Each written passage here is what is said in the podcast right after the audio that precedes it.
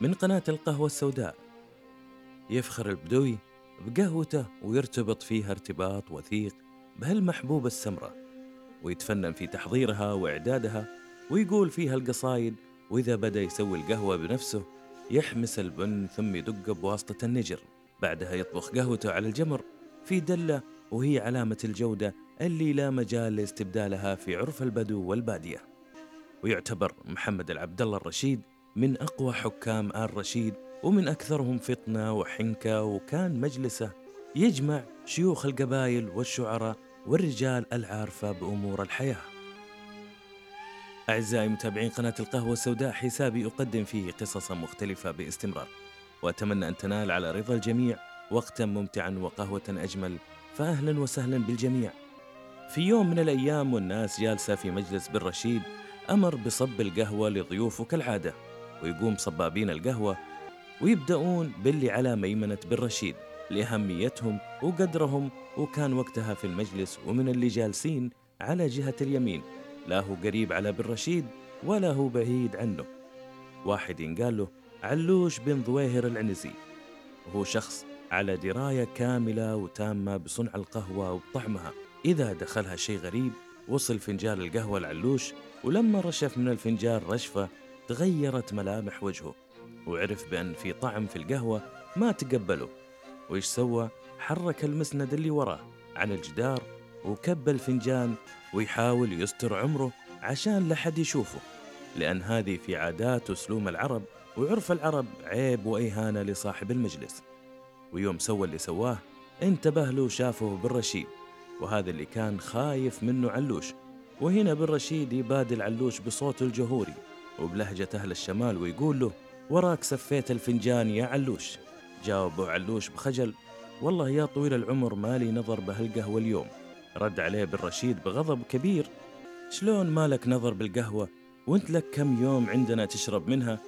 هنا طلب الأمان علوش من الأمير عشان يقول الحقيقة وأعطاه الأمان. فقال علوش الحقيقة يا طويل العمر القهوة صايدة بمعنى إن القهوة تحتوي على طعم غريب وإن في شيء داخلها أثناء طبخها. استغرب بالرشيد وقال صايدة وشلون صايدة؟ رد عليه علوش بثقة قهوتك صايدة قعسي.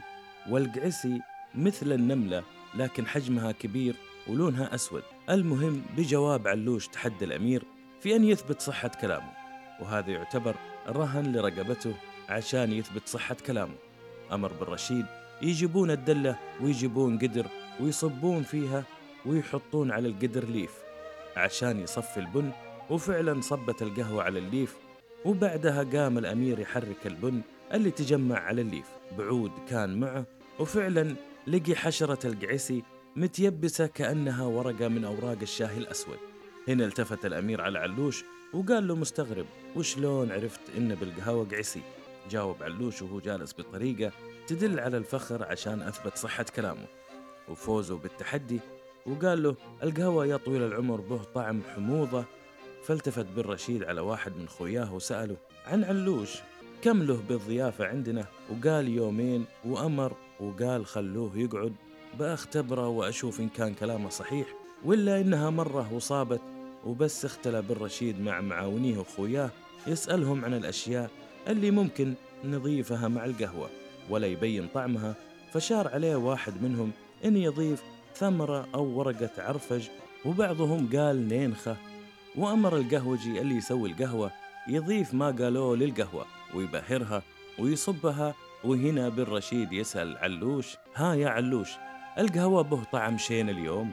يجاوب علوش إي نعم يا طويل العمر به طعم عرفجة وبه طعم نينخة.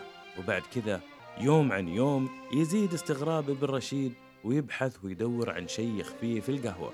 ولا يعرف علوش أي شيء عن الإضافة. جاء أحد أصحاب الأمير من الحج وكان معاه مسواك جديد وطري وعرف بالتحدي بين الأمير وعلوش وقال لابن رشيد يحط قشور المسواك ويضيفها للهيل ويبهر القهوة فيها. وفعلا سوى كذا وأمر القهوجي إن يصب فنجان العلوش وسأله مرة ثانية ها يا علوش القهوة به طعم شين اليوم؟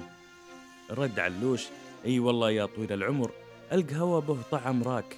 في النهاية آخر ما فكر فيه بالرشيد يؤمر القهوجي. إن يطبخ مع القهوة فنجان حب بن ني أخضر. ما هو محموس وفنجان بن محروق تماما. وقال للقهوجي اطبخها وبهرها وصب العلوش. المهم الأمير قال له السؤال التقليدي ها يا علوش تشوف به طعم شين اليوم؟ رد علوش إي والله يا طويل العمر به طعم نيات وطعم حرق.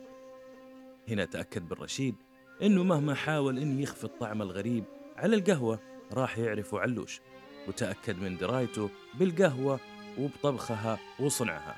وقال له اسمع يا علوش كل ما يصير القمر مثل الباكورة بالسماء وجهك أشوفه. وكل ما ينوبك من قهوة ومعاميل علي إلين ما أموت. يعني كل ما يكتمر القمر ويصير دائري تعال عندنا عشان نعطيك ما يلزمك من قهوة وأغراضها واللي يلزمك من حاجات لضيافة الضيوف. واللي حضر هذه القصة شاعر اسمه محمد أبو الروس الذويبي من قبيلة حرب وقال الأبيات هذه وتجسد الموقف كامل. يقول فيها تستاهل الكيف الحمر يا بن وايل. أنت الذي تستاهل الكيف كله. يلي عرفته وسط ديوان حايل لولاك يا علوش محد فطله بدلال من يجعد صغى كل عايل الضيغمي ريف اليدين المجلة الضيغمي مرد المهارة لصايل. يا منقطع في ساقته من سجلة يا بن ظويهر ما بها قول قايل. تستاهل الفنجال لاقى محله. يا الناقد الفاقد بعرفوا دلايل يا ريف هجن والمزاهب مزلة. ربعك بني وايل عزاز القبايل هل الجموع الراسيات المظله زبن الدخيل اللي توطاه طايل الجمع دونه والرمك مرد فلة. مصدر القصة شبكة حصاد قحطان الإلكترونية.